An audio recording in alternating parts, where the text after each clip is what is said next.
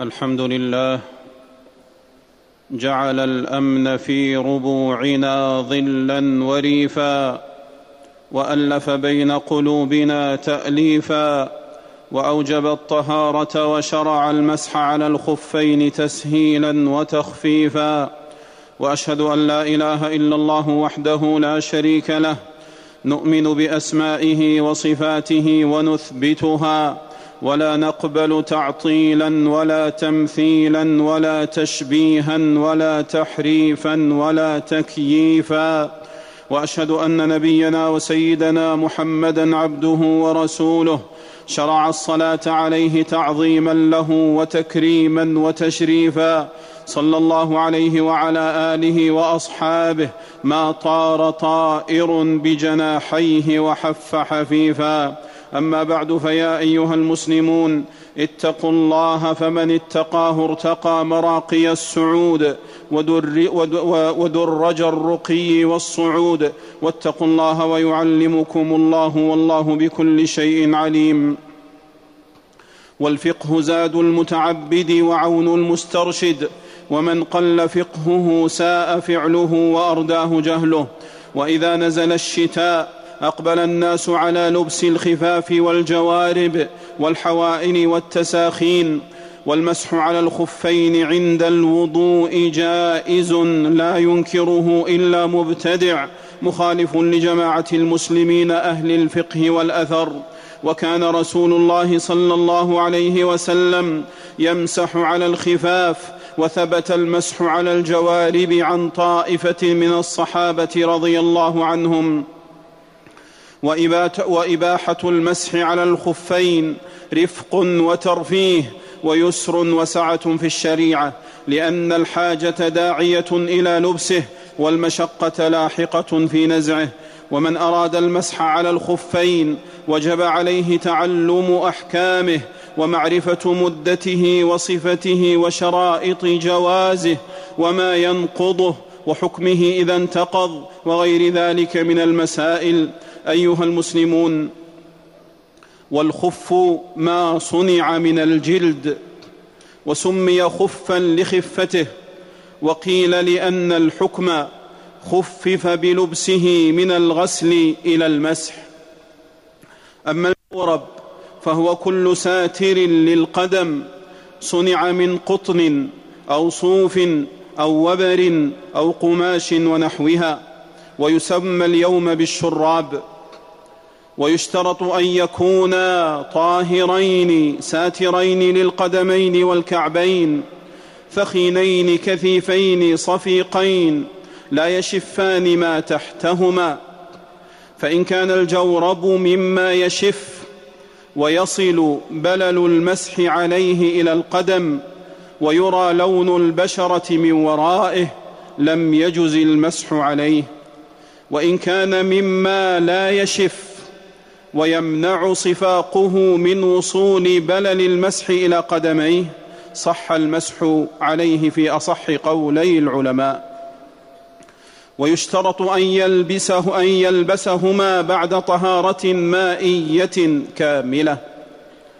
فإن مسح على الخفين بلا طهارة مائية كاملة سابقة للبسهما فلا يصح وضوءه ولا صلاته. وإن غسل إحدى رجليه ثم لبس الجورب عليها ثم غسل الأخرى ثم أدخلها الخف أو الجورب لم يجز المسح في أصح قولي العلماء.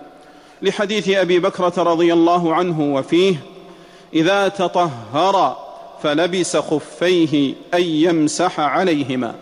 والفاء مقتضاها التعقيب والترتيب.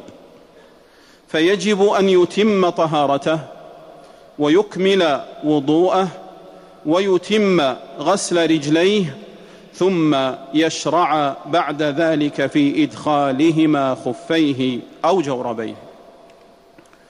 ويمسح المقيم يوما وليلة والمسافر ثلاثة أيام ولياليهن.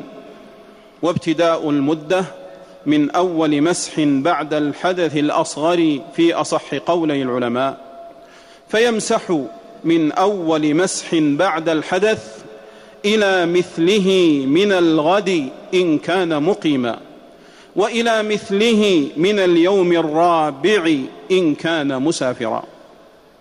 قال عمر رضي الله عنه يمسح عليهما إلى مثل ساعته من يومه وليلته أخرجه عبد الرزاق. فإذا انقضت المدة انتقضت طهارته عند بعض الفقهاء. وقيل لا يبطل الوضوء ولو كان عند تقضي زمان المسح في صلاة أتم صلاته. لأن انتهاء المدة لا يعد حدثا ناقضا للوضوء والقول الأول أحوط للصلاة والتحرز من عدم تحقق شرط صحتها أولى وأفضل. فإن أحدث بعد انقضاء المدة لم يمسح عليهما حتى ينزعهما ثم يلبسهما على طهارة كاملة. ويمسح في المدة ما لم يجنب. ويمسح في المدة ما لم يجنب فإن أجنب بجماع أو احتلام أو غيرهما لم يمسح. ووجب غسل جميع بدنه حتى الرجلين.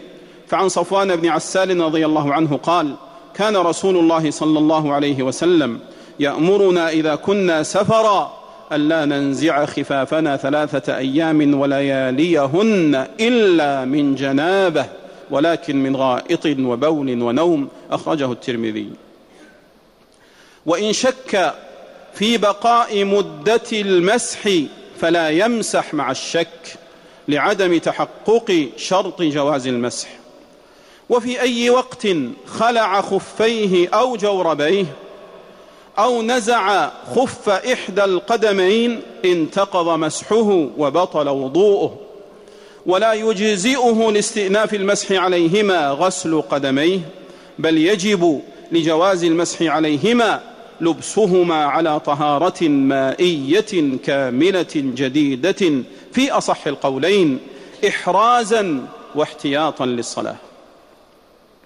أيها المصلون المتطهرون فإن كان في الخف أو الجورب خروق أو فتوق أو شقوق يبدو منها بعض محل الفرض وكانت كثيرة فاحشة لم يجز المسح عليه. وجاز إن كانت يسيرة وإن كان خرقه من فوق الكعبين لم يضره ذلك. والواجب مسح أعلى الخف دون أسفله وعقبه وساقه. وصفة المسح أن يضع يديه مبلولتين مفرجتي الأصابع على أطراف أصابع رجليه ثم يمرهما على مشطي قدميه إلى ساقيه. ولا يسن مسح أسفله ولا عقبه ولا ساقه في أصح الأقوال. لحديث علي رضي الله عنه قال لو كان الدين بالرأي لكان أسفل الخف أولى بالمسح من اعلاه وقد رأيت رسول الله صلى الله عليه وسلم يمسح على ظاهر خفيه. أخرجه أبو داود. ومن ترك مسح أعلاه لم يصح وضوءه إجماعا. وصلاته باطلة إن صلى. قال الناظم وتارك المسح للأعلى ابطلي ويمسحهما جميعا اليمنى باليمنى واليسرى باليسرى. وقيل يسن تقديم اليمنى. قال أحمد رحمه الله وكيفما فعلت فهو جائز بيد واحدة أو باليدين. ولا يستحب تكرار المسح لعدم وروده. ولا يمسح على خف نجس. أيها المصلون المتطهرون.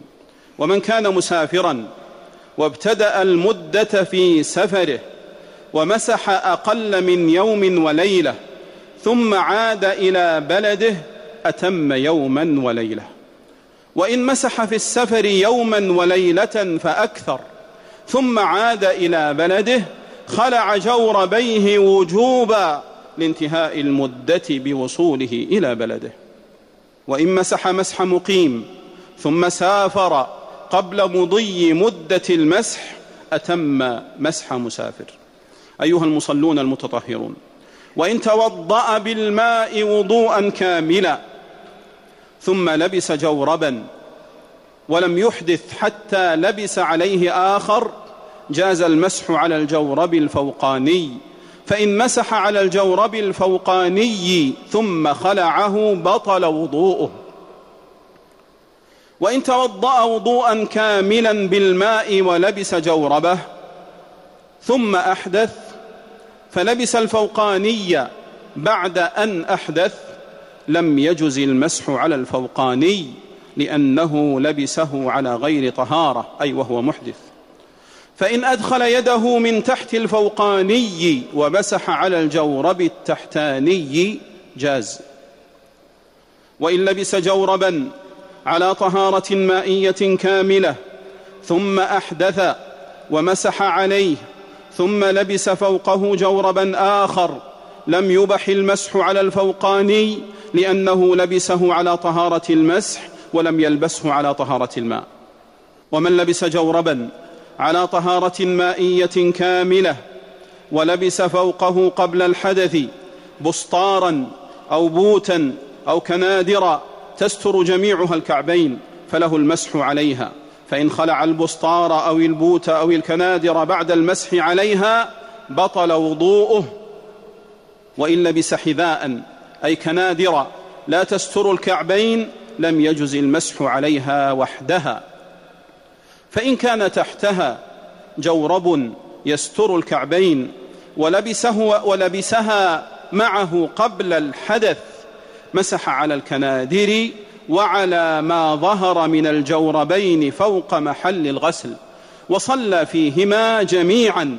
إن خلع الكنادر بطل وضوءه ولم تصح صلاته بالجورب وحده لتعلق المسح بهما. جعلني الله وإياكم ممن عبد, عبد الله على علم وبصيرة. أقول ما تسمعون وأستغفر الله لي ولكم فاستغفروه ويا فوز المستغفرين. الحمد لله آوى من إلى لطفه أوى وأشهد أن لا إله إلا الله وحده لا شريك له داوى بإنعامه من يئس من أسقامه الدوى. وأشهد أن نبينا محمدا عبده ورسوله صلى الله عليه وعلى آله وأصحابه صلاة تبقى وسلاما يترى. أما بعد فيا أيها المسلمون اتقوا الله وراقبوه وأطيعوه ولا تعصوه. يا أيها الذين آمنوا اتقوا الله وكونوا مع الصادقين. أيها المسلمون ويجب على المصلي تعهد جوربه لأنه ينتن سريعا. ومتى أنتن الجورب أو أروح وجب نزعه؟ لئلا يؤذي برائحته مصليا أو مسلما. وقد ضرب الناس قديما المثل بنتنه فقالوا أنتن من ريح الجورب. ومثلوا به في هجاء مذموم فقال أحدهم غزا ابن عمير غزوة تركت له ثناء كريح الجورب المتخرق. وقال آخر أثني علي بما علمت فإنني مثن عليك بمثل ريح الجورب.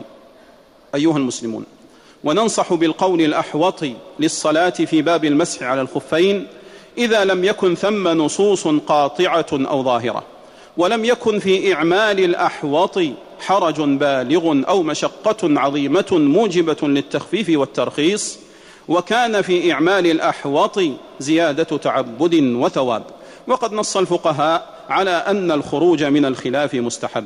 وقد عمل النبي صلى الله عليه وسلم بالاحتياط وحكم به في وقائع مشهورة منها ما رواه الشيخان عن أنس بن مالك رضي الله عنه قال مر النبي صلى الله عليه وسلم بتمرة مسقوطة فقال لولا أن تكون من صدقة لأكلتها.